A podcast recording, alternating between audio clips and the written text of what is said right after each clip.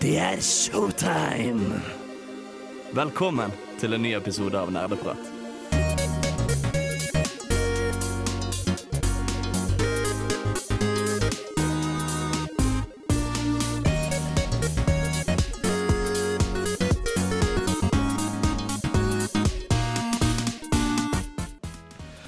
Hei og hallo, alle sammen. Velkommen til en ny, helt alminnelig episode med Nerdprat. Det er eh, påskeferie, og vi tar egentlig ikke fri. Vi syns det er gøy å snakke i studio, så vi er her nok en gang. Eh, Jeg er Håkon, programleder. Vi, jeg har med meg Tor Magnus. Som vanlig thai. Og Bård. og Bård. Det er, ikke en, det er ikke en stort spesiell sending i dag. Det, det skjer ikke noe mistenkelig her. Eh, vi skal bare snakke om videospill og andre nerdeting og lignende.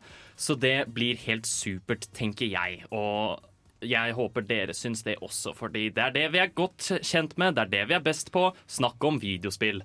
Jeg skal ikke hale ut dette så mye lenger. Vi skal gå til låt. LeBron James. Bjørn Dæhlie. Ole Gunnar Solskjær. Og Terry the Eagle. Hva har alle disse til felles? De driver med sport Og det skal vi snakke om i dag! på Sportspraten. Hjertelig velkommen til Sportspraten her på Radio Revolt. Radio Revolts eneste seriøse eh, sportsprogram. Jeg sa det, fuck dere, flomlys. Vi skal snakke om sport som vi alltid gjør, og vi skal ta det dødsseriøst. TM, det er din tur. Ja, fordi som dere alle vet, her på Sportskanalen så snakker jo vi nemlig om sport. Og vi skal snakke mer om Eliteserien 2021. Yes! Fordi det er mange, mange spennende lag som skal opp mot hverandre her i covid-året 2021. For eksempel, Bodø-Glimt går først ut mot Tromsø. Altså, fy faen, ass. Jeg så fjorårets kamp fra Tromsø, og de bare drev med en sånn shuttlecock. Det var helt vilt, altså. Litt av en grand slam, tør jeg påstå. Ja, herregud, for det du sier der, Tai, det er sykt spennende, fordi en sånn shuttlecock med en hat trick og en dribble er det Jens Hansen er best kjent for i Bodø-Glimt, og alle vet jo hvor god Jens Hansen er med shuttlecocks. Er det en ting som er sikkert, er at baseline kommer ikke til å opprettholdes. Nei, på ingen måte. Nei, jeg tror nok det blir en stump bail, altså, som det vanligvis blir når det er eh, kick goal head penalties. Ja, og en annen som er kjent for kick goal penalties, er jo broren hans, Bob Hansen. Bob Hansen er den utrolig beste i det og dribling, og det er noe som vi faktisk kommer til å se mer av, tror jeg, i den neste kampen, nemlig Molde mot Kristiansund, som vil komme etterpå. Men det, jeg er ikke så stor fan av Molde, altså. De, de driver med så mye showjumping for tida. Ja, men det er veldig typisk Molde, fordi hver gang de skal spille, så er de nødt til å drive mye showjumping. Det er liksom de, kan, de er ikke bedre for noe annet. Ja, men det, ok, eh, De kan jo drive med litt sånn backstrokes også, syns jeg. De kan det. Det som blir spennende å se, er jo når de skal spille mot Rosenborg i neste bolke. Fordi da blir det nok mye showjumping, tenker de. Og definitivt en god del mer boundary line. Det er definitivt Ja. noe vi vil se mye av mellom Rosenborg og Molde. Hva tenker du? Eh, Liker vi Rosenborg her, eller er vi litt sånn uh, Vet ikke, eller er Molde bedre? Rosenborg er kjent for sin uh, helt insane short corner-strategi. Eh, absolutt, Hvor de bare går i det lille hjørnet da, og så bare skyter de. ikke sant? Så jeg Ja. tror at det her kommer til å bli helt sjukt. Jeg, min, min stemme går for Rosenborg, i hvert fall. OK, for jeg tenker, etter det skal vi se Viking mot Brann. Og det er jo mange Brann-fans her. Vi har jo snakka lenge om eh, hvor kul vi syns Brann er. Vi har mange kule bergensere som venner. Liksom, man blir påvirka, ikke sant? Tenk også bare hete Brann, da. Jævlig fett. Det er så kult, og de liksom kommer helt inn med en slip og en hat trick, og vi bare det, That's no foul, liksom. Fordi Aldri sett en hat trick som Brann gjør en hat trick. Altså. Right! faen. Viking har ingenting de skulle sagt. Og det, I fjor så vi jo de kom inn 2-0 mot Viking, og Viking bare Sorry, guys, vi, vi må dra, liksom. Bare, vi har ikke noe vi skulle sagt. Ja, jeg syns det var en ekte kidney punch. altså Litt av en ring stoppage. Eh, Man forventer jo liksom ikke dette når man skrur på eh, Eliteserien i Europa. Nei, man gjør ikke det, fordi det man ser er jo at Branns beste spiller, eh, Berg Jensen, han er jo den som kommer inn med en mid-wicket og følger det opp med en Comerbick. Å, Jeg bare, shit! å herregud, jeg har aldri sett sett så Hva i noe alle dager? Ja, aldri hørt noe lignende. Nei, ikke sant? Det, det er som å se liksom to backflips på rad mens han skårer liksom i tverrleggeren og rett inn i mål, der keeperen Alfred Nonsen bare står og ikke vet hva som skjedde. Han kommer til å gå ned i historien. I historiebøkene så kommer det til å være skrevet om han. Definitivt. Ja, Og det, skulle, skulle gjerne hørt Flomlys snakke sånn om dette, altså. Teknisk analyse er ikke noe for dem. Altså. Flomlys, get on our level, Mm. Nei, jeg tror, jeg tror rett og slett at nå, nå, nå ble det litt for hett stemning i studio her. Eh, jeg svetter som bare faen, akkurat sånn som en ekte sportsutøver ville gjort. Ja. Så jeg tenker at vi må holde stemninga oppe enda høyere. Så vi skal selvsagt høre den Har du lyst til å bli rik fort? Elsker du kapitalisme og store bedrifter? Stander du Elon Daddy Musk? Stemmer du Høyre? Hva er egentlig greia med hedgefond? Alt dette og mer i Investeringstips med Tai. Som dere alle sikkert er kjent med, her på Økonomi og aksjeprat så har vi en fast spalte som er investeringstips med Tai. Kjære Tai, har du noen investeringstips til oss? Altså, Først så må du jo slikke føttene mine og be meg om tips. Og så kall meg daddy. Fordi her kommer det premium octane sexy tips. Så greia er at du kan kjøpe fond som en kjedelig liten baby og få betalt kanskje pff, 10 i året. Men hva faen skal du med det?! Ja, ikke sant? Altså, hvorfor, hvorfor bli gammel, og 70-80, kanskje 50 hvis du er heldig, når du kan bli 30 og ha millioner Man av lever kroner? bare én gang, ass. Man gjør tross alt bare det. Ok, Så her er det lille trikset. Det er noe som heter gearing. Ok, og Det betyr at hva enn som er det underliggende instrumentet, blir ganga med ti. Og da har vi en liten greie i Midtøsten som vi kaller for olje. Ok, Og olje det går opp og ned. Så bare se at når det går opp, så kjøper du, og når det går Nei, vent litt. Når det går ned, så kjøper du, og så selger du når det går opp. Så har du sånn fin greie. Gearing, ikke sant? Da er det sånn du går for eksempel til et aksje...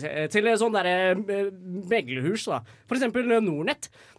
Så kan du være sånn derre Yo, kan du slenge på en X, 5X, eller 10X, som det også kalles, da. Det er sånn, Da ganger de det med 5. Hvis det øker med 1% så får du liksom fem ganger det, da. Ikke sant? Så her er jeg det geniale geniet som jeg er, da. Til og med kjæresten til kona mi har gitt meg råd på hvor kul og hvor sexy og hvor fin jeg er, by the way. Men det har lite med saken å gjøre. Eh, så da kjøper du for eksempel en sånn bear, eller Det kalles bear eller bull, da. Ikke sant? Når det er bear, så går ting ned. Når det er bull, går ting opp. Så hvis du ser for eksempel eh, bearish eh, 10X gull, som det heter på Nordnett, så er det sånn der, da forventer du at gull går ned. ikke sant? Da ser du at det er en 10X-gearing, som betyr at hvis det for eksempel går ned 10 så, så, så tjener du ti ganger mer enn det du gjør da. Så det jeg gjorde, siden jeg er et jævla geni, ikke sant, er at jeg venta til ti minutter før det stengte. Så så jeg å fy faen, det er langt nede. ass. Så kjøpte jeg liksom for 40 000 kroner. Er det alt i sparekontoen min? Ja. Er det alt jeg har? Ja. Så da gjorde jeg det, da. For yolo, for faen. Ok, Så da kjører vi. Vet du hva som skjedde når det sto opp? Hva skjedde? Jeg mista alt. Å nei. Ja. Eh, dette er delvis basert på en litt ekstra story, for jeg mista 300 kroner på det her. Men 300 kroner, hva faen skal du med det? Du kan du kan, du kan fortsatt selge det, fordi det er noe som heter stopplås. Ikke sant? Så hvis du har tapt for mye penger på for kort tid, så selger det det ut for deg, heldigvis. da Så du går aldri i minus. Det, det går ikke an å gå i minus. Så, så, så det man egentlig skal ta ut av dette, da, er rett og slett eh, invester alt du eier, uansett hva? Ja, som regel. Ja. Ja. Du, du ser kanskje 300 kroner, eh, kjære lytter, eh, men vi her på Økonomi og aksjeprat ser 300 muligheter. Ja. 300 ulike muligheter for å dyrke nye muligheter. Ja, ikke sant? Så så Gleden med gearing er at du kan eksponere deg selv for mye mer av markedet ved visse beløp. Så for eksempel, du har bare 10 000 kroner i kontoen din. Hvorfor skal du bare eksponere deg for 10 000 kroner når du kan eksponere deg for 100 000 kroner? Men, men Tai, hvis bruttoproduksjonen det året bare ikke er tilstrekkelig, hvordan skal jeg klare å investere nok til å få en god aksjekapital? Ja, ok. For å gjøre det, så er det en veldig fin Reddit som heter Wall Street Bets. Ikke sant? Og her får jeg alle mine gode tips. Hørt om Palantir, Nio, kanskje GameStop. Ikke sant? Alt dette er aksjer jeg kun kjøper, da. Så jeg har investert alt jeg eier i disse tre aksjene.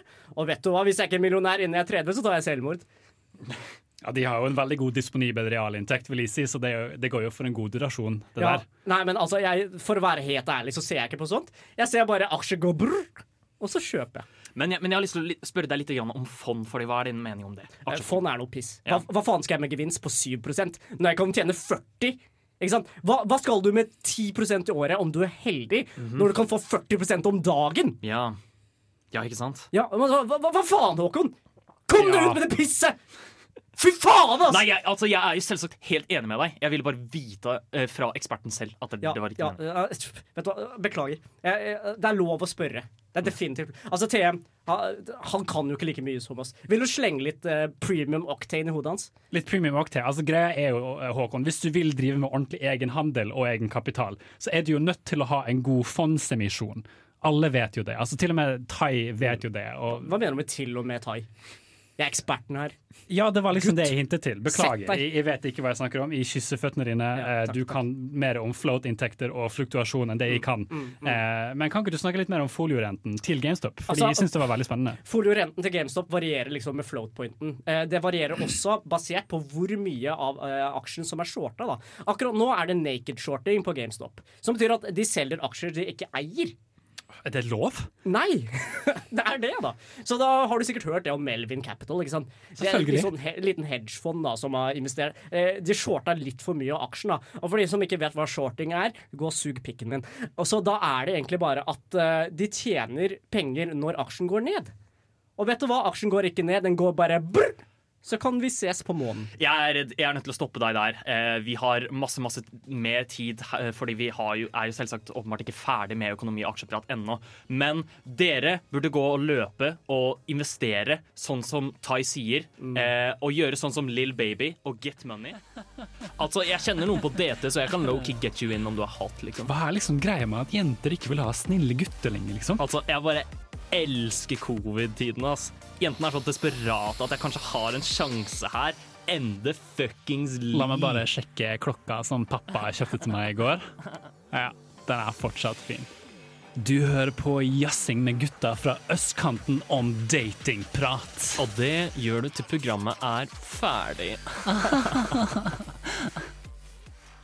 Hjertelig velkommen alle og enhver til Jazzing med gutta fra østkanten om datingprat. Hallo! Vi er tilbake i studio nok en gang. Altså. Og eh, hva er det vi liker å prate om da, gutta? Shout-out til gutta på Bay! Shout out til dem, ja! Jævlig fett. Vi ses på yachten i sommer, gutta! Men vi skal jo snakke om dating. Selvsagt. Og mer spesifikt, eh, jeg er litt sånn keen da på å snakke om Tinder om dagen. Oh, ja. Eh, Tinder spesielt er så sykt nice for en fyr som meg, og selvsagt dere, da, mine bros. Kjære gutta. King! Eh, og da er det spesifikt én trend som uh, Tai, du faktisk introduserte. Altså, Jeg liker å kalle det Tinder-surfing. OK. ah. Så greia er at uh, gutta, jeg har ikke booka et hotell på tre jævla år. Ja, hvorfor skulle man det? Ja, altså, Jeg pleier bare å booke eh, fly, da. Altså, altså privathjem til pappa er jo ikke alltid ledig. Aha. Dere ser den.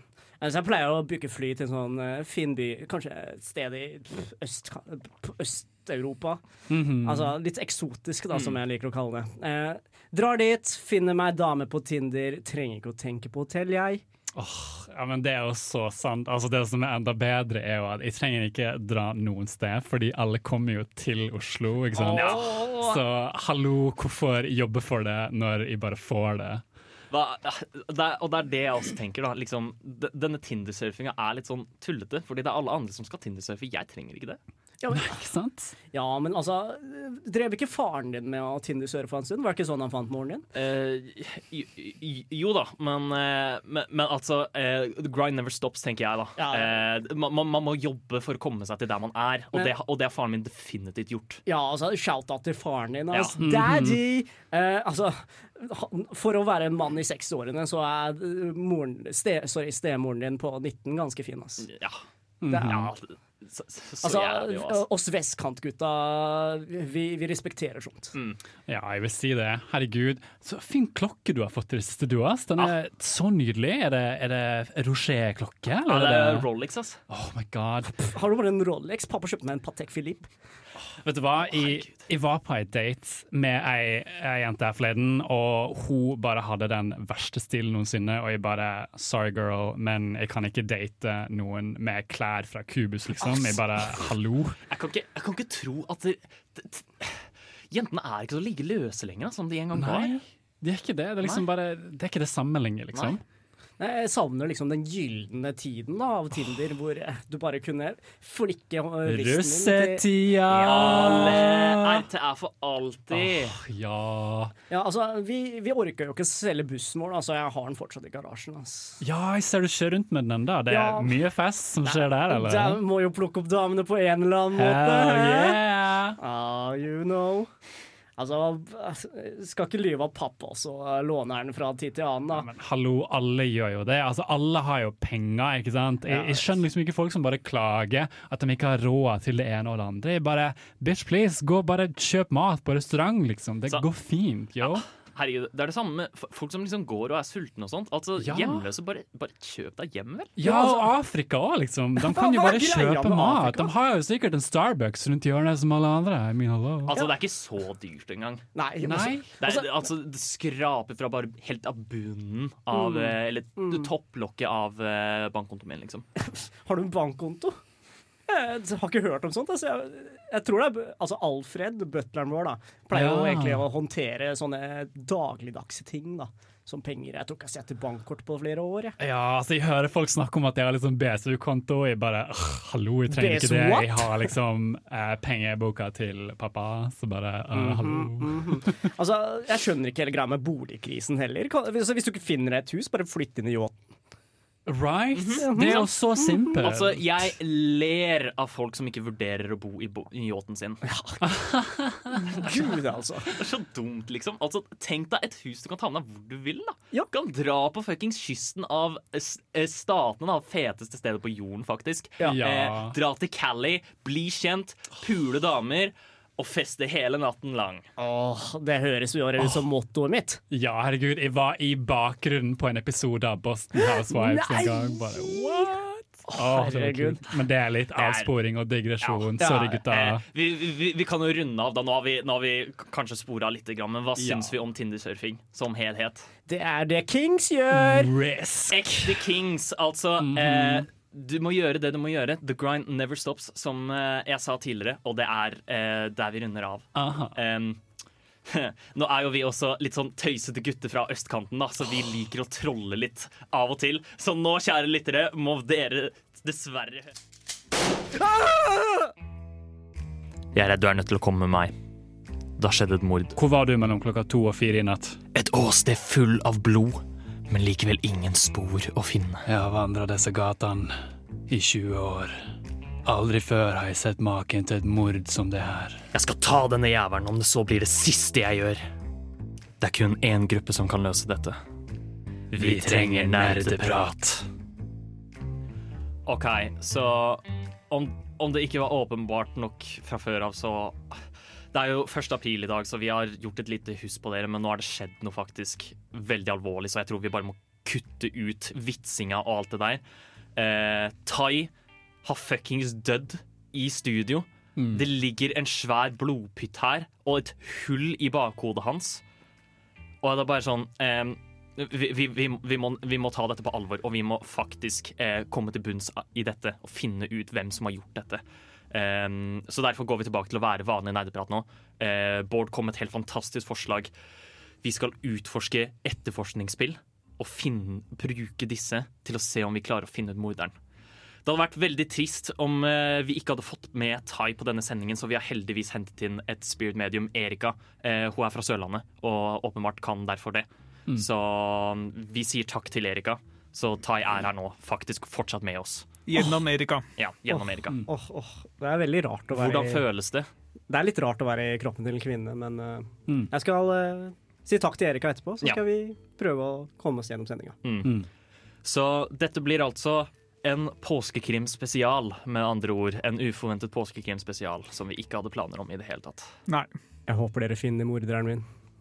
Det, er kun, det kan kun være én av oss her i rommet, utenom Tai, selvsagt. Um, Eller kan det? Oi. Mhm. men husker du ingenting? Nei, jeg ble skutt i hodet, Håkon. Du ble skutt i hodet. Det, det er naturlig. Um, men vi, det er altså TM eller Bård, eller det kan være meg, Eller noen utenfra. eller noen utenfra. Eller det kan være alle sammen.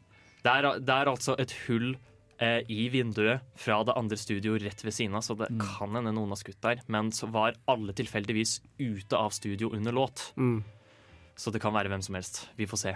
Um, men vi skal da snakke om etterforskningsspill. Har du lyst til å utdype litt mer på dette, Bård?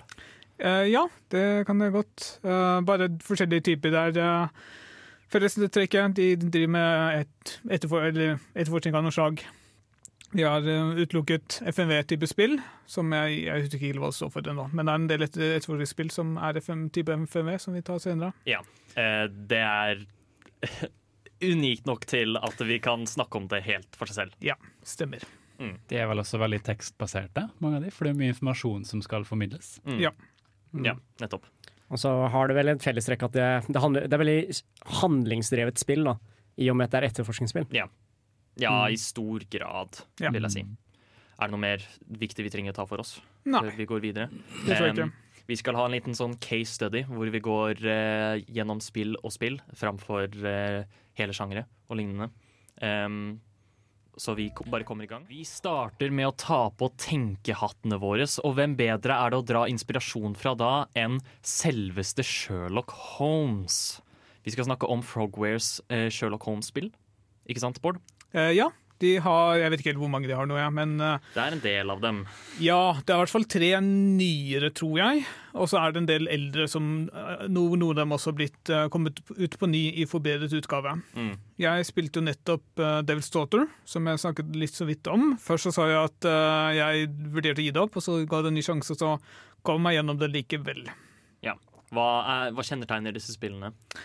De, du spiller som Sherlock Holmes, og med hans uh, kompanjong uh, Mr. Watson, eh, doktor Watson. Mm. Uh, de har et knippe saker. Uh, gjerne Jeg husker, tror forrige siste spillet hadde fire eller fem. Hvor de da Du går gjennom Altså, det er veldig Veldig likt en Sherlock Holmes-historie, eller kanskje heller en Sherlock Holmes-episode. Fordi jeg kjenner det mest igjen av den nye serien fra BBC, og ikke så nødvendigvis så mye fra bøkene. Mm. Men, men går det gjennom samme storyline eller historie? Uh, jeg husker ikke alle, men altså, du har et spill som heter Jack the Ripper, tror jeg. Eh, som jeg, jeg har ikke spilt det selv ennå. Uh, jeg hadde ikke, dessverre ikke nok tid til å spille alt mulig før sendingen, men der vil jeg jo tro at det går gjennom Jack the Ripper-historien. Ja. Men hvordan er det spillet funker? Er det sånn ehm, Leter du etter spor, og så forklarer, så forklarer han sporet for deg, så må du liksom gjette selv, eller? Det er både og. Eh, du har et kart hvor du eh, velger hvor du skal gå. Gjerne så er det liksom først et åsted, og så går du dit og Eller nei, det så, først som regel så får du en person på kontoret, som, som regel i Sherlock. Mm. Og du drar da til et sted, og så prøver du å etterforske der. Du har eh, noen moduser, du kan liksom se litt skjulte ting. Og så som regel så oppdager du ting som bringer deg til nye steder. Og hvis du finner for eksempel en referanse til noe, så kan det hende at du må gå tilbake og se det opp i liksom, biblioteket ditt. Okay. Eller du får en annen løsning som du må finne ut hva egentlig er, på liksom, analysebordet ditt. Og litt sånn. Vil du si det er veldig vanskelig, eller er det forholdsvis elementært? Det er veldig Veldig enkelt å starte med, men det kan vel være veldig vanskelig å komme til riktig konklusjon. Eh, Blant annet, i hvert fall i Devil's Daughter, jeg, eh, jeg må nesten bruke det som referansepunkt siden det er det jeg spilte sist. Så hver, eneste, hver eneste gang du møter en ny person, så skal du liksom analysere personen. Og da, går du, da er det en video som, et kamera som går rundt personen, og ser, så kan du se på spesifikke ting på den. Kanskje har en flekk på skjorta. Og så må du finne ut er det fordi den jobber for som mekaniker, eller er det fordi den har blod, fått blod på seg. Eller kanskje, jeg tror det konkrete eksempelet er enten har de sølt vin, eller så er det kanskje blod. Men uh, vår kjære Bård, Uh, er det slik at det bare er eh, detektivdelen, eller er det også slik at du har sånn actiondeler også? Du har for, etter min mening, for mye action, spesielt i de. Ja, uh, Devil's Daughter, det er en segment hvor du spiller Fordi altså, han har jo et nettverk av gutter som hjelper han med diverse ting. Følge etter folk og sånne ting. Så du har et segment hvor du må bare snike deg etter en annen person. Okay. Og det er liksom Det er ikke vanskelig, det er bare tidkrevende. det er bare er unødvendig, og så må du plutselig Å nei, du kan ikke gå forbi her fordi et eller annet gutt, så du må finne en bakgate som du kan sni Du må løpe gjennom for å rekke å ikke miste noe syne før Ja. Mm. men det er i stor grad, så vidt jeg har forstått, eh, nokså tradisjonelt etterforskningsspill hvor du må være oppmerksom og se etter clues. Ja, du har ca. én actionsekvens per sak, tror jeg jeg kan si. Eh, kanskje litt mer. Og du eh, du, du må ikke lete så mye etter spor heller. Du, som regel så vil spill liksom si Fortell deg når du er ferdig med lokasjon, og alle ting du kan inspisere, er ting som er relevant, som regel. Mm. Det er veldig få ting som er irrelevant for saken. Ikke sant. Det er jo absolutt noe å ta med seg videre. Eh, det kan være kjekt å tenke litt utenfor boksen, og det er ingenting innenfor rommet som ikke kan vurderes som bevis. Og det skal vi huske på når vi skal prøve å løse Thais mord. Eh, men vi skal gå videre til neste spill. Vi skal snakke om LA Noir. Halla, snuppa! Vil du være med og høre på nerdeprat? OK, her kommer jeg. Vi skal gå videre til å snakke om noe annet som kan være lurt å vurdere når en skal løse en mordsak, og det er vitnene involvert. Og derfor skal vi snakke om LA Noir. Ja, fordi LA Noir var jo et spill som eh, kom ut i 2011, eh, basert på Er det 1940-tallet? Ja, Ja, typ. Ja. det, det, var, det var jo rundt da hvor liksom den store noir-crazen var, Mm. og det var kult å liksom gå rundt eh, i mørk bakgate med dress, ta en sigar i munnen og så bare si 'dames'. Selv om de ikke gjør det i spillet der. Nei da, men, men, det er eh, derfor det er neo. Det, det er teknisk sett neo-noir, fikk jeg beskjed om, Ja, og ikke noir-noir. ja OK. Um, så det er kanskje derfor de ikke sier dames en eneste gang, da. Er det liksom der du har de filmscenene hvor uh, mannen er sånn Lucy, you know I can't stay in this town. But Rogers, no! Liksom Ja, de. ja. Ja, OK. Ikke uh, uh, Men jeg elsker deg. Frankly, my dear, I don't give a damn. Ja, ikke sant? Ja. Ja. Men i hvert fall, du spiller, du spiller en uh, detektiv da, som har kommet tilbake fra krigen. Mm. Eh, og så får du sånn, gjennom spillet sånn flashbacks da, på eh, hva som har skjedd under krigen, da, som er litt sånn relatert da, til eh, oppdragene du gjør gjennom spillet. Um, og så finner du ja, Nå kommer det massive spoilers, men spillet er ti år gammelt. Spill det, eller bare hør på. Um, ja, så gjennom spillet så finner du ut at uh, det har liksom Sakene har litt med Eller har en god del med å gjøre med dine gamle sånn comrades da, fra krigstida. Og så må du komme i kontakt med din litt sånn eh, nå fremmed politi, gamle politipartner. Da. Så må dere bygge opp forholdet deres igjen og, finne, og så løse hele konspirasjonen. Da. Mm. Mm. Det er faktisk et ganske bra spill. Um, men det, det er liksom Der, jeg er ganske sikker på OK, jeg har spilt kanskje to timer av LA Noir selv, mm, eh, og det jeg forsto, var at eh, historien og alt det er på plass, virker ganske bra, Ja. men selve spillet i seg selv er ganske søppel. Ja, eh, jeg så litt av det nå i stad, og det virker som det er betydelig mye mer action i Ja. dette spillet sammenlignet med liksom andre hva skal jeg si, krimspill. da. Mm. Så det var, det var en god del av kritikken da, mot eh, LA Noir som spill, er at eh, det har mye elementer av et detektivspill, fordi det er et detektivspill, men at det var eh, overkant mye action i spillet. Jeg, kan, jeg vil kanskje kalle det liksom et GTA-spill, bare at hovedpersonen er et detektiv. Ja, fordi det er jo også laget av Rockstar Games. Ja, Ja, ikke Så sant.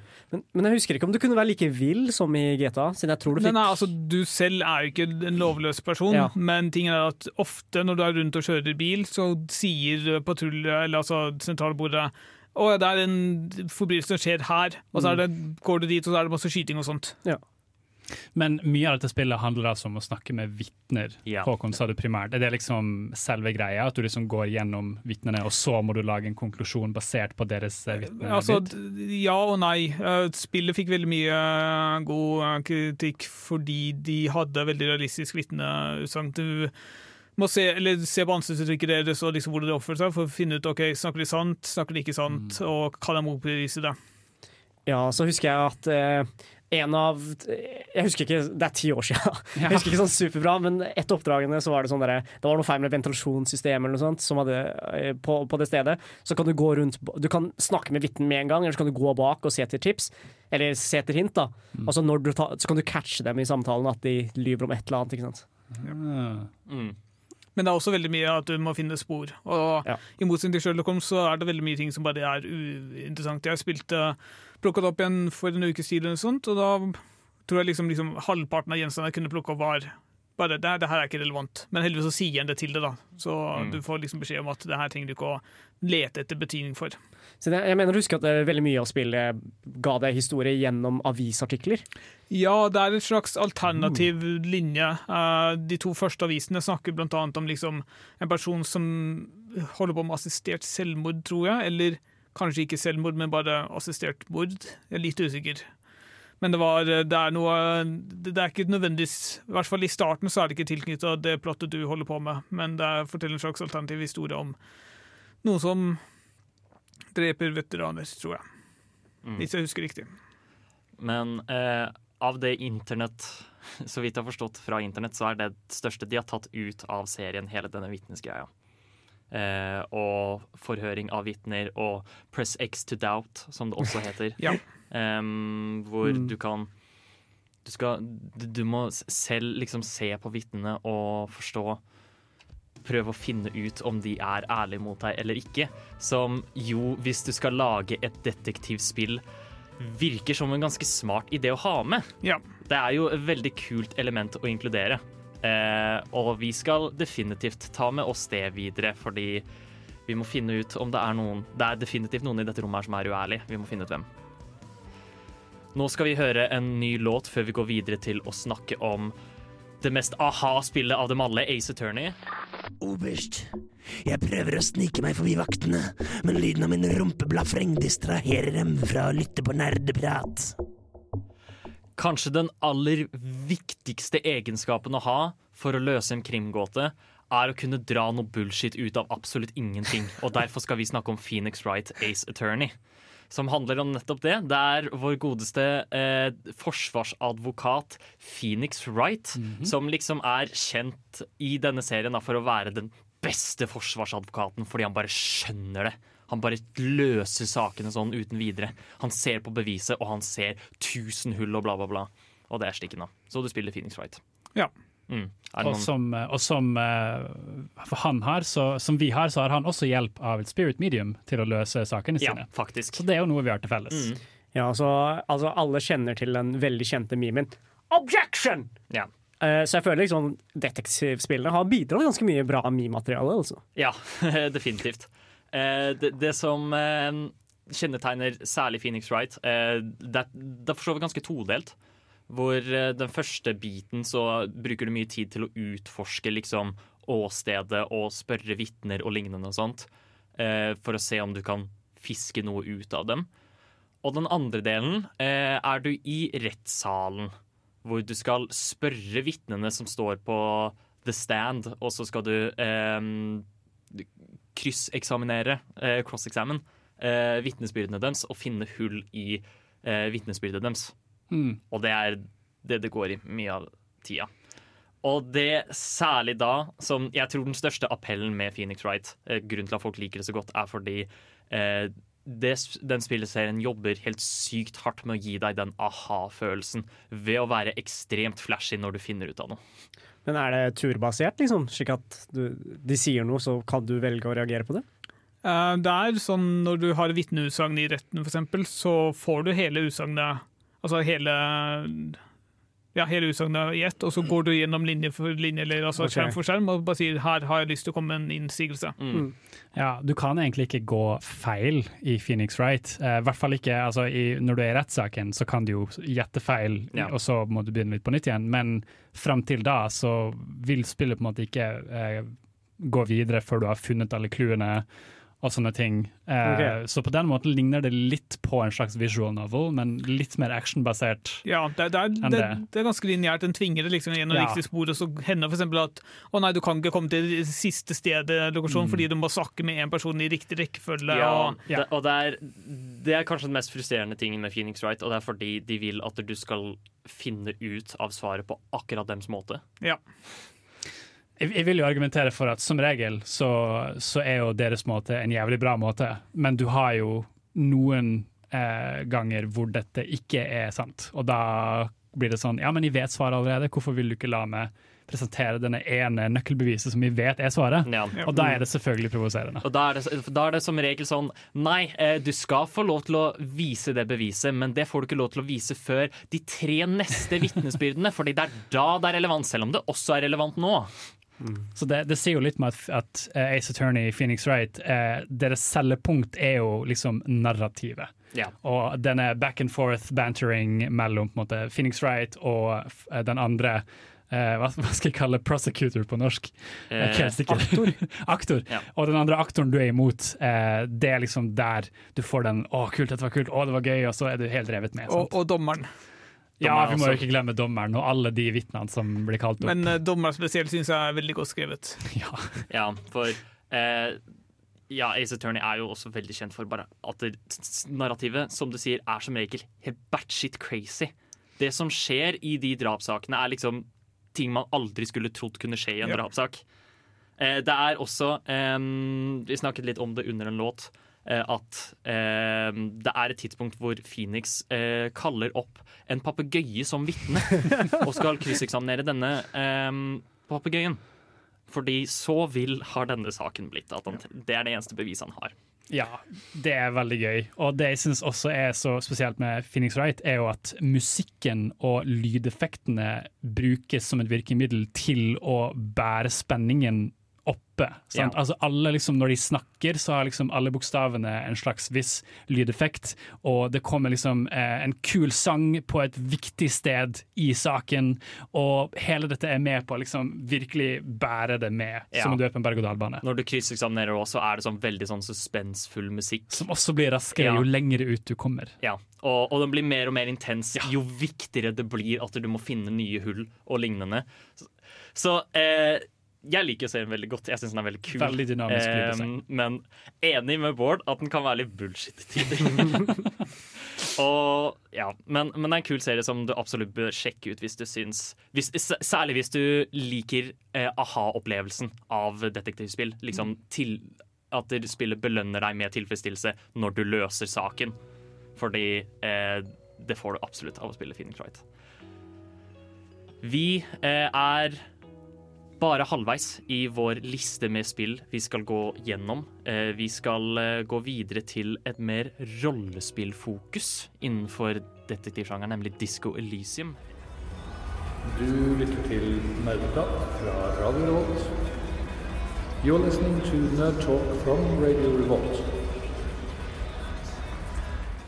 Neste har er, ifølge internett revolusjonert det vi kjenner som både rollespill og etterforskningsspill. Eh, vi skal snakke om Disco Elysium. Hva er det, Bård?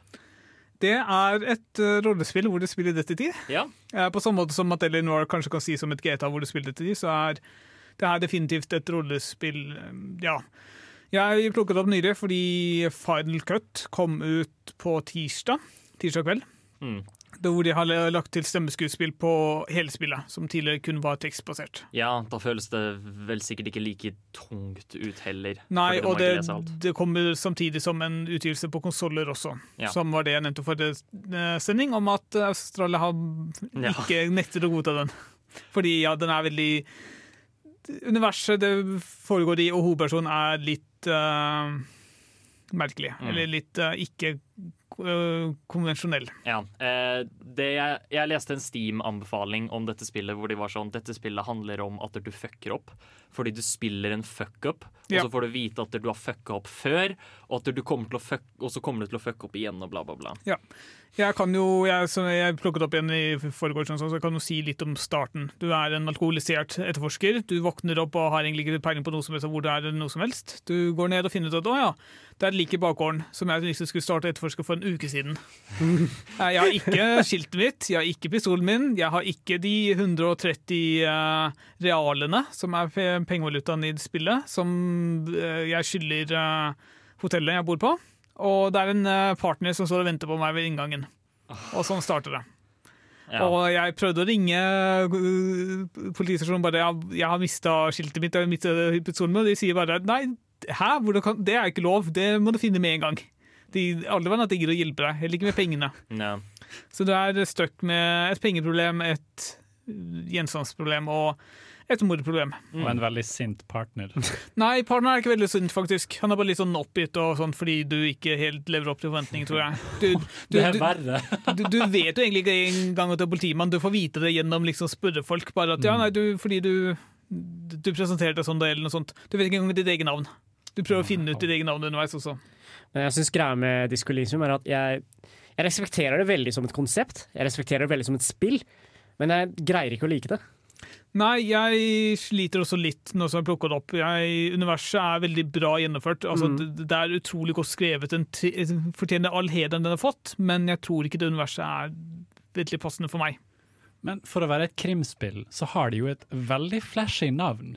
Disco Elysium. Hva Ja, er historien her? Uh, det er referanse til Det er igjen en parallell verden hvor ting er ikke som det er, men disko var en stor greie for 10-20 år siden. og sånt, Mm. Så det er liksom en referanse til disko. Og jeg tror du som hovedperson var veldig glad i den perioden som disko med disko. Tror er sånn 70-tall, vet ikke. Men det er, 60, det er litt annerledes, fordi det, er okay. en, eh, det her er kanskje i fremtiden og sånne ting. Altså, Ja, ikke sant. Det de snakker litt rart, de har en merkelig valuta, alle stedsnavnene er helt ukjente. Mm. Men hva er det som skiller Disco Elysium fra resten? av Altså, i, I og med at det er et rollespill, så har du, du har ferdigheter, og du har liksom ferdighetssjekker. Så for eksempel, når du går opp til liket, som er liksom, har vært der i, dødt i en uke, så stinker det helt forferdelig. Mm. Så du kan du starter med å holde for nesen, og så kan du ta en test på om du klarer å fjerne fingrene fra nesen og ikke kaste opp. Og den, den feiler jeg, for å si det sånn. Ja, eh, jeg har forstått det slik, bare av å ha lest meg litt sånn kort opp om det, at eh, der, du har en ting som heter eh, tankekabinettet. Ja, det har du også. Ja. Det, jeg, jeg har ikke helt funnet ut sånn nøyaktig hva det er, men du kan av og til når du går rundt, så kan det dukke opp en tanke som du liksom kan putte i kabinettet og liksom arbeide på, og da kan du få bonuser eller negative konsekvenser både mens du jobber med den, og også når den er ferdig. Mm. Hvordan fungerer etterforskningsaspektet i spillet? Jeg har ikke kommet så langt. Nei. Jeg, som sagt, spiller ikke helt nødvendigvis for meg, men du må Altså, du har masse oppgaver som det står 'gjør dette, gjør dette', gjør dette, og så som regel så er det en eller annen ferdighetstest knyttet opp til de. Men de spillet hjelper deg veldig godt på vei. Det er ikke alt du må oppdage på egen hånd, men som regel så hjelper det å, uh, liksom, å fullføre dialoger. Ja. Et annet veldig viktig poeng er at det har faktisk et konsept av tid, så du er tidsbegrenset, spesielt fordi du ikke har råd til å bo der du bor nå, så du må finne et nytt sted å bo før dagen er over. ja.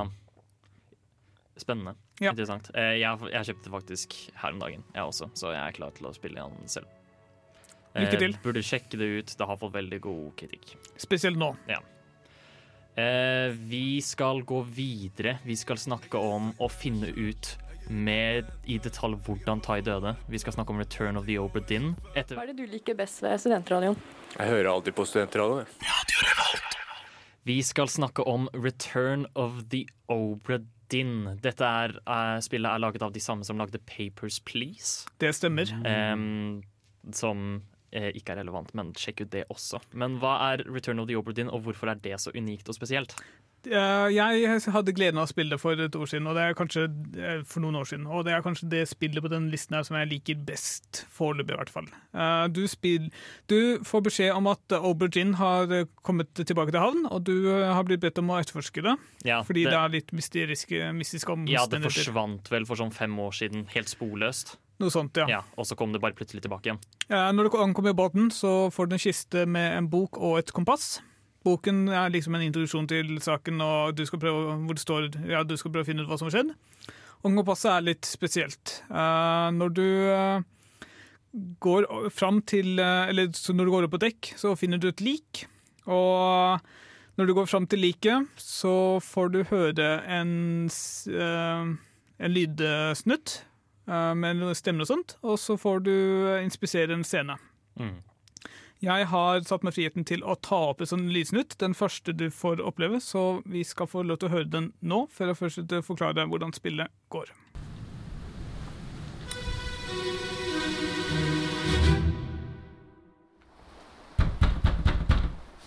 Captain! Open the door! Kick it in. Ah! Lest we break it down and take more than those shells! You bastards may take exactly what I give you! Ah!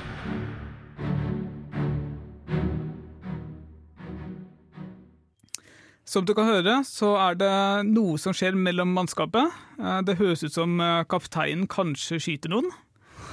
Så du skal da skrive ned at eh, Så får du mulighet til å liksom ta Eller du blir jo tvunget til å ta frem boken, så skriver du kanskje ned at en av den personen som du fant liket til, ble skutt av kapteinen. Ja. Og så kommer du eh, Er du ferdig med det åstedet og kommer til et nytt lik. Mm. Men det må vel ikke være nødvendigvis være kapteinen som skyter, siden du hører bare skuddet?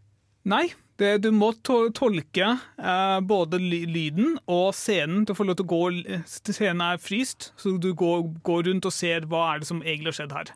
Ok. Mm. Og ja. Om noen av dere har sett Hannibal, eh, serien, på, så forestill dere kraften til eh, Will der, hvor han liksom forestiller seg drapet, og at han utførte det. ja. Ja. Eh, det er også, det, også Selv om du vet, eller kan kanskje mistenke at personen ble skutt av kapteinen, så vet du ikke engang hva personen er. Alt du har referert forholdet til liksom, på starten, er noen bilder av hele, alle som var på båten, og en liste over hva, hvilke roller de hadde. Mm. Så du kan for si ok, den er blitt skutt av kapteinen, og kapteinen har dette navnet, men du vet ikke nødvendigvis hvordan kapteinen ser ut heller. Ja. Så, så det er sånn du, Når du finner liket, så får du på en måte biter av informasjon. Som du må bruke videre. Du må Ja. bruke, finne ut, eh, liksom basert på bilder og basert på hvilke stillinger det hadde på båten, hvem er det som kanskje dette er. Men er spillet sånn at det tvinger deg veldig lineært fremover, eller kan du gjøre litt som du vil? Ja og nei. Du må eh, det er litt, li- litt parallellitet når det kommer til åstedene. No, av og til så kan du gå til én før det andre, men åstedene er som regel i ganske serielle. Fordi du starter på slutten. Det her er liksom det siste som skjer i historien, og så beveger du deg framover til liksom helt til starten. Ja, ok.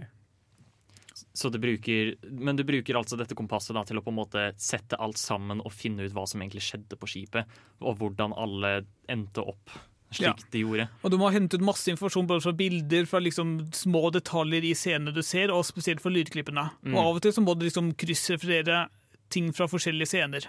Mm. Det, er, jeg, jeg, had- det var helt fantastisk. Jeg, ifølge Steam så brukte jeg ti timer på å løse saken, og det var ti fantastiske timer. Jeg Ja. hadde det så gøy. Det er ekstremt kreativt design Ja. og veldig kult konsept. Og jeg har, ja, jeg har hatt det på lista mi Ja. veldig lenge. Jeg vil også rose um, artstylen, eller tegne, liksom grafikken i spillet. Det, det er så unikt også. Det er Ekstremt unikt. Er det, er det samme, samme stil som forgjengeren Papers? Nei, eh, det er helt annerledes. Det er litt svart-hvitt. Og jeg husker ikke helt hva man skal kalle det, men det Det ser jo nesten tegna ut. Ja, det ser faktisk tegna ut. Mm. Så, men eh, vi har i hvert fall tenkt til å bruke dette samme kompasset til å finne ut mer av skjebnen til Tai, sånn at vi kanskje kan løse denne saken. Men eh, sjekk ut Oberdin. Det er et helt sinnssykt bra etterforskningsspill. Ja. Um, og særlig hvis du har lyst på en veldig unik opplevelse innenfor det. Stemmer. Mm. Så um, vi skal gå videre. Vi er ikke helt ferdige ennå. Vi har ett spill igjen vi skal snakke om. Dette her er kanskje et litt mindre tradisjonelt etterforskningsspill med å fokusere mer på utforskning, men vi skal likevel snakke om det fordi det er så bra.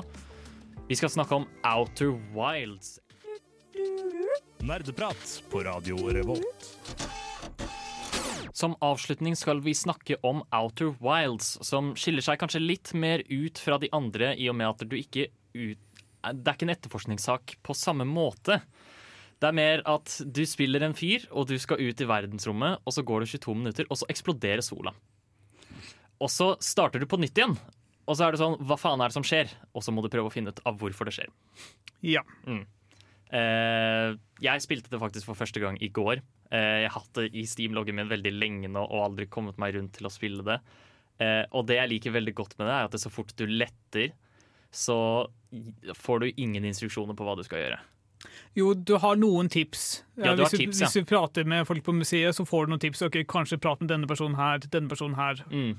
Men, Men du vet sånn- ikke hvor de er, nødvendigvis. Jeg husker Det første jeg gjorde, var at jeg krasjlanda på en planet. Eh, og så vandra jeg rundt hjelpeløst og lette etter spor. Og så fant jeg ut dritmye om denne eldgamle sivilisasjonen som heter The Nomai. Ja. Eh, mens jeg var på denne planeten.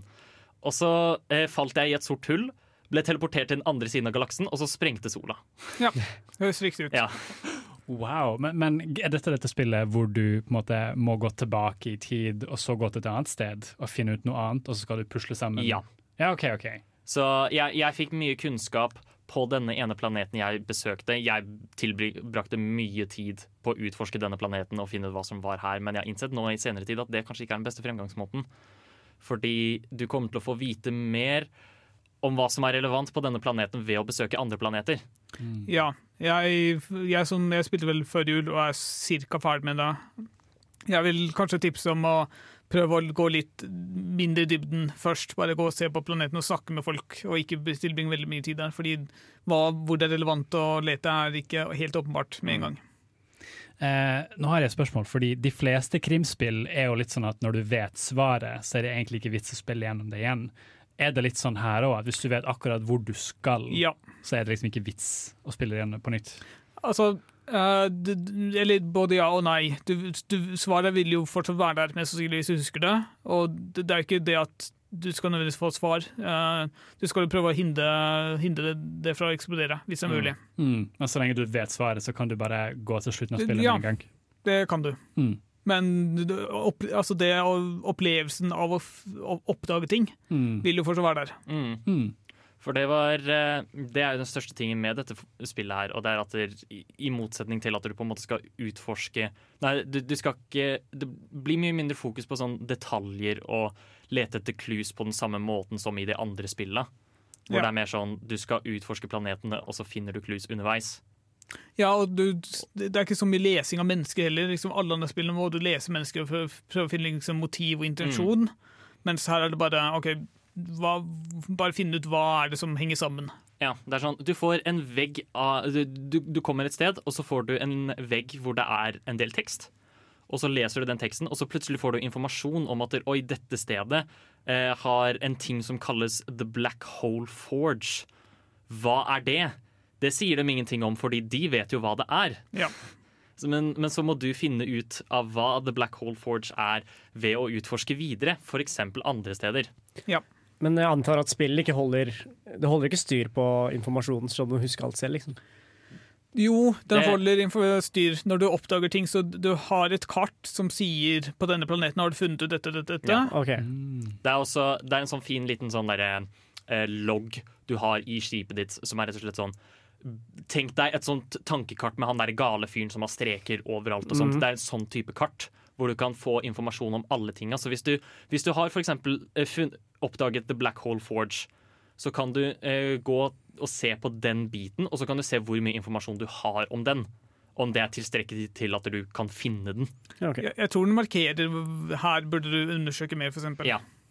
Eh, at det, det er mulig å undersøke mer hvis det er åpen for det. Så det blir liksom ikke frustrerende og, siden du ikke vet veien videre, eller? Det, det kan bli, hvis du er helt uh, støkk. Og uh, igjen, det har mye av problemene som andre spill også, ved at du kan tenke feil. Okay. Du kan misforstå noen ting, eksempel. Jeg husker da jeg slet veldig med Jeg måtte søke over bare OK, jeg gjorde jeg, gikk altså, jeg gjorde en detaljfeil, så derfor Mm. klarte jeg ikke den, det jeg visste jeg skulle gjøre. Ok. Mm.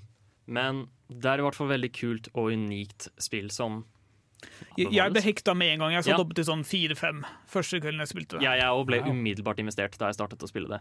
Og det er eh, en så unik måte å utføre et etterforskningsspill på. Fordi istedenfor en mordsak, så er det sånn nei, jeg må redde universet fra å ikke sprenge hele tiden.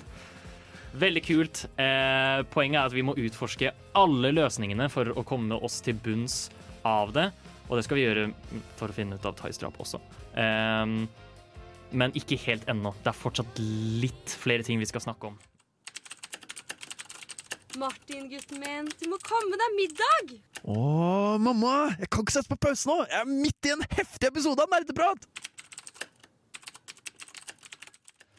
Som avslutning, før vi prøver å finne ut av hvem morderen er, så skal vi snakke om sjangeren generelt. Fordi nå har vi snakket om eh, etterforskningsspill, en del av dem, og liksom forskjellige typer etterforskning. Hva er stikken? Hva syns vi om dem? Altså, har du lyst til å starte, Tang? Jeg kan godt starte. Eh, Som vanlig, av en eller annen grunn, så starter jeg med at jeg er ikke stor fan av sjangeren, altså. Jeg, altså, jeg, jeg respekterer jo liksom eh, Jeg skjønner hvorfor folk liker det, og jeg, jeg ser liksom appellen. Men det appellerer ikke til meg som, som enkeltperson, føler jeg. Det sier du bare fordi du er mordofre. Jeg liker ikke å bli skutt. Har du prøvd dem, eller er det bare sånn basert på det du ser? Um, både og. Jeg spilte jo Eleanor, eller jeg har vært med og spilt Eleanor. Eh, Vi var jo en liten vennegjeng som pleide å være hos en kompis som spilte det. Jeg syns det var dødskjedelig. Um, Var det fordi du ikke fikk lov til å løse Nei, nei, det har ingenting med saken å gjøre. Okay. Altså. Jeg syns bare at det er en veldig kjedelig prosess å gå gjennom, og jeg er mer interessert i bare å gjøre ting som ikke er like frustrerende. Men syns du da krim er kjedelig, eller er det bare at spillene ikke appellerer til din goopy goblin gamerbrain? Uh, vel, for det første, så fuck you. Jeg er død, vis litt respekt. Uh, for det andre, um, jeg er ikke spesielt glad i krim, så det kan hende det er eh, bundet med det, da. Ja, for da er det mer naturlig Mm. å ikke ville like etterforskningsspill. Ja. Jeg selv eh, elsker jo krim. Mm. Eh, syns eh, thriller er Jeg skal gå og si at det er min favorittsjanger av, av film. Eh, så etterforskningsspill faller meg ganske godt i smak. Eh, veldig kult, og det er sånn For en, en, en av de store tinga med eh, fil, krimfilmer, i hvert fall, av påskekrimene du ser, Poirot og alt det der, er jo at de skal være sånn Nei, nå, nå skal du få muligheten til å prøve å løse gåten du også, og så får du svar på slutten, på en måte. Men nå er det du som løser gåten. Ja. Du må gjøre det. Det er, det er din oppgave å løse det, og det er kjempekult. Det er mye mer tilfredsstillende å kunne løse det selv. Det er jo det. Eh, personlig så er jeg den eh, karakteren som er mer glad i Olsenbanden enn Poirot. Eh, litt sånn på feil side av etterforskningsaspektet, kanskje. Eh, men jeg vil si ja, jeg er veldig glad i, i krimspill selv. Eh, kanskje mer direkte Phoenix Wright. Ja. Det er en serie som vi på en måte innså ganske nylig at oi, jeg har fulgt denne serien hele veien, egentlig. Eh, dritfan av den. Eh, så jeg vet ikke om jeg kan si at jeg er fan av liksom, krimspill generelt, fordi jeg har jo egentlig ikke peiling på det meste annet vi har snakket om i dag. Men Ace Attorney, der har jeg peiling. Eh, personlig så generelt fan, men jeg hater når du må gjøre ting altfor spesifikt.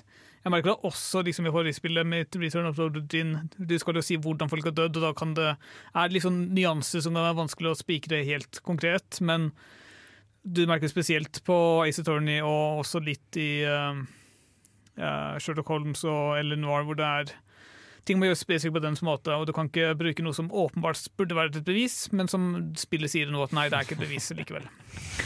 Men kan jeg spørre, hva er det dere konkret liker med sjangeren? da? Fordi jeg syns det er veldig eh, Det er eh, slitsomt da, å måtte lete seg fram trinn for trinn fremover. Jeg vil bare at det skal bli ferdig, så jeg kan gå til neste ting. Jeg, jeg syns det er spennende å lette Ja. fram, jeg, spesielt for eksempel i Sherlock Holmes, hvor det er kanskje opptil liksom fire forskjellige konklusjoner du kan trekke. Du kan liksom Mm. si at en, fire forskjellige personer er gjerningsmannen, Mm. og så må du liksom finne ut okay, hvem av dem er det basert på, liksom kun hvordan du tolker personen, f.eks. Okay. Mm. Eller hvordan du tolker bevisene. Er det tegn på at de har gjort noe med vilje, eller er det bare et uhell at de tilfeldigvis var der da? Ja, nei, For meg så vil det være måten de bygger det opp på. Sant? For eksempel i Phoenix Wright, da, hvor du starter med å samle bevis, og så går du inn i rettssaken, og så har du denne ordvekslingen frem og tilbake, spesielt mellom hovedkarakteren Phoenix Wright og hans rival Miles Edgeworth, som er ganske heftig i det første spillet, eh, hvor det blir så intenst, og du får liksom denne følelsen av, altså den tilfredsstillende følelsen på slutten, når du liksom har denne kule musikken i bakgrunnen, og Phoenix som kommer frem til sannheten, og bare slenger det i trynet på Miles Edgeworth. Og det er så tilfredsstillende. Så det, Mm. det er det jeg lever for der. Apropos Ace Attorney, også det spillet hvor, det er en, hvor aktoren har en pisk. Ja, en av de har en pisk. det er sant. Eh, Veldig mange interessante karakterer der. Ja. Jeg kan eh, også trekke fram eh, jeg, jeg vil trekke fram først Obudin og Outer Wilds som eksempler på hvordan de gir deg biter med informasjon for å holde interessen din oppe. La oss si du finner eh, et lik på The Oberdin, da, og så får du litt info om hvordan han døde. Eller la oss si du finner informasjon i Outer Wilds. Og disse skapningene kom fra The Vessel. Hva er det? Jeg aner ikke. La meg finne ut mer. Sånne ting engasjerer meg, fordi jeg blir nysgjerrig på hva det er som skjer i dette universet. Og verdenen og lignende. Ja, Spesielt når det er veldig godt skrevet. og Også Oberdin har veldig mye ting som ikke er helt åpenbart på starten, som er veldig, det er veldig godt skrevet. Og veldig, altså Du hørte også på klippet godt stemmeskuespill der liksom du klarer faktisk å skjønne ting basert på stemmene, som også er veldig gøy. Mm. Jeg husker også det var en sak i det andre eh, Ace Attorney-spillet, siden vi har snakket så mye om det nå, hvor jeg skjønte hva svaret var i saken lenge før den siste trialen. Og den følelsen jeg fikk av det, var sånn ut av denne verdenen. Jeg følte meg som et fucking geni, liksom. Jeg følte meg så jævlig smart og flink fordi jeg bare skjønte det med en gang. Veldig kult. Og det er sånn type ting. Derfor eh, spiller jeg et forskningsspill, i hvert fall. Jeg vet ikke med dere, men Nå har det kommet ned til dette. Vi må finne ut hvem som drepte Tai. Vi har halet ut lenge nok. Men vi skal hale ut litt lenger, for vi må høre litt musikk. Vi skal høre Still Woos. Da har det kommet ned til dette. Hvem drepte Tai? Er spørsmålet. Først kan vi trekke frem at vi brukte faktisk kompasset for å finne ut mer om Thais død. Vi trodde hele tiden at han ble skutt gjennom hodet. Det viser seg at han ble forgiftet. Og at han døde at han døde lenge før han ble skutt. Men det virker jo meningsløst. Hvem ville gjort noe sånt? Det var for å skjule tidspunktet av døden. Han døde egentlig mye lenger før, og det gir oss illusjonen av at det måtte være noen på utsiden. Men det kunne ikke ha vært det heller. Fordi den eneste tingen som kunne vært, er at det, var- det har vært ingen her på Lukas i hele dag. Kun oss her inne, og vi har aldri gått utenfor dette studio. Den eneste logiske forklaringen er at skuddet ble skutt her innenfra og gikk inn i studio 2. Så om vi går inn dit, så finner vi garantert en kule der inne. Wow. Dette virker jo veldig gjennomtenkt. Hvem som har gjort det her, må jo ha vært veldig smart. Mm. Du sier noe der, TM. Det gjør det så absolutt. Bård, hva tenker du? Jeg eh, ser jo på litt hvordan vi står i studio, som eh, dere lyttere åpenbart ikke kan. Eh, rett ved siden av liket til Tai så står jo TM. Han har mikrofonen nærmest Tai. Jeg vil si det er en gyllen mulighet til å Hei, hei, hei, hei, hei. Dette syns jeg er en helt grunnløs anklage. Hva baserer du det på? Du har pistolen i baklomma. Du står jo også Unnskyld? Du har pistolen i baklomma. La meg, unnskyld. Uh, ja. Det, det var jo litt kleint. Mm. Det, det har jeg faktisk. Grunnen til at du drepte Tai TM, er fordi du ikke var enig i investeringstipset hans. Vi så det på ansiktsuttrykket ditt hele tiden. Vi brukte våre egenskaper fra LA Noir til å tenke tilbake på den gangen da vi hadde investeringstips her nå som en del av aprilsnarren vår, hvor det var åpenbart at du hatet det fordi du elsker fond. Du elsker de så høyt, og når Tai slaktet de, så ble du forbanna. Vet du, der, eh, der for a lack of a better term, you got me. Ja. You got me. Det, det er sant. Mm. Det er helt sant. Jeg, jeg er så uenig, og jeg, jeg ble Jeg fikk vondt inni meg. Jeg ble så sint at jeg måtte bare agere. Oi, yay. Så nå kan jeg rest in peace og dra tilbake til himmelen slash helvete. Jeg vet ikke hvor jeg Ja, hva, hva, skal vi, hva skal vi gjøre Så med dere får gjøre hva dere vil, folkens. Mm. Eh, jeg måtte få det ut, og jeg angrer ikke. Altså, gjort er gjort, og vi kan ikke, liksom, vi kan ikke miste ett enda et medlem av Nei, programmet. og det er sånn um, Vi, vi kan ikke bare være oss to som prøver å spille uh, jeg, jeg, jeg føler jo også at der, uh, Tai har vært overdrevent negativ da, og Wow. lignende og sånt om spill vi har snakket om. Wow. Så det er kanskje, temaet er vel kanskje en bedre inkludering her. Ja. Så vi skal ikke bare til igjen, da. Jo, jeg syns det. Ja, Ja, jeg er enig i ja dette. det går fint. Kult. Ja, men det er flott, gutta. Skal vi ta et pi- pi- pils etterpå, eller noe sånt, og Ja, så bare det chiller vi? Og, ja. Men han døde, tar dødelse, ikke ingen nytte. Vi kan jo ha en zombiesending hvor vi prøver å gjenopplive han. Det kan vi for så vidt. Hører jeg Weekend at Barneys? Ja. Weekend at Bernies, ja. Um, ja, er det Barney? ja, Eh, det- Barney Stinson har en sketsj med det i Ja, How I Met Mother. Ja, er, vi, er vi square, da? Er vi venner? Nei, jeg skyter deg så snart jeg får sjansen. Ja, ja, det er én okay. en ting til som er verdt å sies, og det er at der- Dette var også bare en aprilsnarrspøk! Tai er selvsagt ikke død, vi bare kødda hele tiden. Du er så dum, du, lytter. Herregud, du trodde på oss hele tiden. Du trodde virkelig at Tai var død. Nei, du tar jo helt feil. Selvsagt er han ikke død. Hva tror du? Og, og vet du hva den største hemmeligheten har vært? Erik har ikke vært i studio i det hele tatt! Nei, ikke i det hele tatt. Det har bare vært Tai hele tiden. Fullt Ah. levende. Ingen skudd her, ingen forgiftning. Vi bare kødda hele tiden. Det var Du ble lurt to ganger, altså. Herregud. Tenk å være så tett i huet. Nei, jeg kan ikke tro det, altså. Åh, jeg må roe meg ned litt, altså. Når innså du at du var en gamer? Dersom du kunne spilt kun et spill i et år Hva er det eldste spillet i backloggen din? Hva har du lært fra spill som du har fått nyte av i Er det et spill som har hjulpet deg gjennom en tung periode av ditt liv? Hva er ukas spørsmål? Ukas spørsmål er hvis du kunne drept Tai på en ekstremt kreativ måte, hva hadde det vært? Altså, vi, vi ønsker egentlig bare mer kreative måter å drepe Tai på enn den vi gjorde. Fordi den ble litt for komplisert. Eh, selv om det, det kan være gøy at det er komplisert også, men bare slå dere løs, holdt jeg på å si. Er det noen som vil starte? Tai, kanskje? Ja, OK. Um, Hvordan ville du drept deg Altså, selv? om, om du forestiller deg at du ikke dreper deg selv, men at du, du dreper Tai. at du skulle, du skulle vært noen andre og hatt du skulle deg selv. Greit. Ikke komplisert i det hele tatt. Men eh, her er greia. Eh, Det varierer veldig. òg. Vil du liksom sk Altså, jeg er jo farmasøyt, eh, så jeg kommer til å bruke legemidler. Um, jeg bare sier det nå. Sånn, men er det sånn skal det, hva, er, hva er tanken bak? Skal det være liksom umulig å oppdage, eller skal dette gå fort? Eller skal det være smertefullt? Har vi liksom noe Jeg, jeg vil si kreativ. Fokus på kreativitet. ja, forestill at det skal bli en krimsak ut av det. Ja, altså så kreativ som mulig. Uff. Uh, det var vanskelig. Um, vi har veldig mye rart i uh, liksom redskapsboksen vår, skal jeg, skal jeg være helt ærlig. Uh, men det letteste, ville jeg faktisk ha sagt, er overraskende nok insulin. Sånn i forhold til eh, diabetikere. Ikke sant? For visste du at hvis, eh, for eksempel, eh, det, det finnes kreftmedisiner som du kan injisere gjennom penner, f.eks. metotrexat. Um, hvis, du, hvis du injiserer tilsvarende mengde med insulin, så dør du først av insulinen. Fordi det er ikke, ikke kødd rundt med insulin. så greia er at uh, insulin er også et stoff som naturlig, kroppen naturlig produserer. da. Uh, og det kan være ganske store variasjoner på nivåene man kan ha i kroppen. Så hvis du dreper noe med insulin, så kan det hende bare sånn ah, Vi fant egentlig ingenting, fordi han hadde bare litt lavt blodsukker.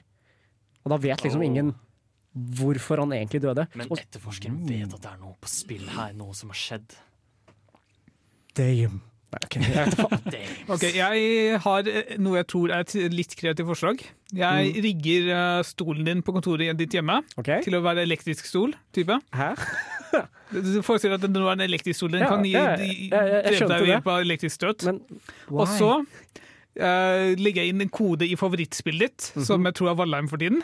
Sånn at når du har spilt uh, på det mest intensive øyeblikket, så blir du sjokka til døde. Ja, okay. Det er det. Wow. Men eh, vi glemmer liksom den viktigste delen om et mord, da. Hva faen er motivet? Hvorfor vil dere drepe meg? Det, det, det, jeg bryr meg ikke. Jeg fikk beskjed om å finne en måte å drepe Tai på, og det, nå har jeg en måte å drepe Tai på. Mi, eh, min, jeg kan jo ta min nå, for så vidt, fordi jeg har jobba med den ganske lenge. Eh, og det er rett og slett at jeg sklir inn i vennegjengen deres. Eh, blir mistenkelig god venn med Tai. Eh, Mm. Han liker meg veldig godt, jeg liker han veldig godt. Og idet vi på en måte blir fuckings bestiser, så bare kommer jeg med alle grunnene til hvorfor jeg ikke liker deg. Så, så jeg tar selvmord? Ja. Wow! Psykologisk terror. Det er faktisk psykologisk terror. Men det er derfor vi ikke er så gode venner, da. Ja. smart, smart valg. ja, absolutt. Vel, veldig fornøyd med livsvalget ditt nå. Men jeg prøver det- fortsatt. Få høre, TM. Hva, hvordan vil du drepe meg? Et, altså, du er jo veldig lettlurt. Eh, så jeg tror jeg bare ville fått det til å snorte kanel. Oi. Ja. Okay. Det høres veldig vondt ut. Ja, ganske Så hadde du bare dødd. Ja. rett fram. Ja. Mm. Nei, men det, det, det er helt enig. ass. Hver gang jeg åpner krydderskapet, så er det sånn at, åh, herregud, holdt på å dø. Oh, ja. Kan, kanel, ikke sant? Bare, åh. Mordvåpen de luxe. Det er jo det. Ja. Verre enn hornsalt. Ja, altså Når kommer liksom uh, Agatha Christie-novellen hvor uh, hun dreper noen med fuckings kanel? Julemysterium. Right Det det er gratis idé. Bare ta det. noen, da. Det, det er pårørende som dreper noen. men- Ja, herregud, det er sånn noen har tukla med grøten. Bare sånn, Det er mistenkelig lite kanel til overs til grøten. Bare sånn Julenissen ligger der da, og bare sånn derre Hva skjedde med grøten? Drukna i grøten! Ja. Men så var det i virkeligheten kanel. Wow. All the way. Alvene er sluppet løs igjen. Men, men hvordan hadde du som person blitt mistenkt i denne saken? Fordi det tenker jeg også er et kriterium. Jeg hadde åpenbart blitt mistenkt i saken til Tai fordi eh, jeg var hans absolutt beste venn. Mm. Og da hadde det vært naturlig å spørre meg, og så hadde det eventuelt kommet ut at jeg gjorde det. Ja, Um, den, den ser jeg. Ja. Men Altså- TM, hvordan, eh, hvordan kan det spores tilbake at du fikk Tai til å snorte kanel? Jeg ville jo fått han til å gjøre det selv, sant? så det er jo hans eh, fingeravtrykk som er på den skeia. Ja. Eh, jeg bare var der og bare sa å, dette er kjempegøy, ta jeg gjør det, og han sier ja, så klart, og så gjør han det. Ok, Så, så, så din, eh, din geniale idé er å få meg til å tro det er gøy å snorte kanel? Ja, men du er jo lettlurt, så det er jo Ja, okay. ingen problem. Ok, ja, skjønner. Det er jo bulletproof. Ja. Så nei, men du, du er basically immun, da. Ja. Ja. ehm, jeg, skal ikke, jeg skal ikke ta Jeg skal ikke spørre så mye videre, for det, det ble Jeg, jeg syns det ble litt forvirrende til slutt. her. Ganske. Så vi skal heller eh, ta det litt med ro før vi runder av her på Nerdeprat med krimsending og køddesending og alt som det har vært. Vi har kommet i mål. Vi løste hvem som drepte Tai. Eh, I anførselstegn, fordi det var jo ingen som drepte Tai. Det var bare en spøk. Lolol. Det, hele var en drøm. Men poenget er at vi, eh, vi hadde lyst til å snakke om etterforskning og krim Mm. siden det er påske, og vi gjorde det, og det var veldig gøy. Og Diskolysium kom nettopp ut i ny utgave. Ja, det burde sjekke ut. Eh, det skal jeg. Det er en gratis oppdatering for alle som har det fra før av. Mm. Eh, har vi noen tips vi har lyst til å gi før vi runder av helt her på Nerdeprat i dag? Det er lov med påskeegg. Så det er lov, Lov med påskeegg. Eh, hvis du liker Phoenix Wright, så er hele trilogien ute på sånn alle plattformer. Alle fuckings konsoller. Så det anbefales på det sterkeste hvis du Mm. vil ha noe Ace Attorney i ditt liv. Og hvis du vil gjøre litt etterforskning med vennene dine, så anbefales også Chronicles of Crime-brettspillet, som jeg har spilt i uh, hvert fall én gang. Mm. Eh, et tips jeg gjerne vil gi, er eh, Det er aprilsnarr. Eh, det er egentlig litt sånn ut med spøk aprilsnarr spøker, med mindre du er oss. Da er det jævlig morsomt. Um, Vi er mesterne på det. men, men poenget er, hvis du først skal gjøre puss, ikke vær slem. Mm. Det, det, det, Prøv å være morsom. ja, prøv å være morsom heller. Mm. Eh, og med det, kjære lytter Nå har det blitt rickrolla ofte eh, denne sendingen her. Eh, det skal bli det en gang til. Fordi vi skal avslutte denne sendingen med nok en Never Gonna Give You Up av Rick Astley. Kos deg. Du har lyttet til en podkast på Radio Revolt, studentradioen i Trondheim. Sjekk ut flere programmer på radiorevolt.no.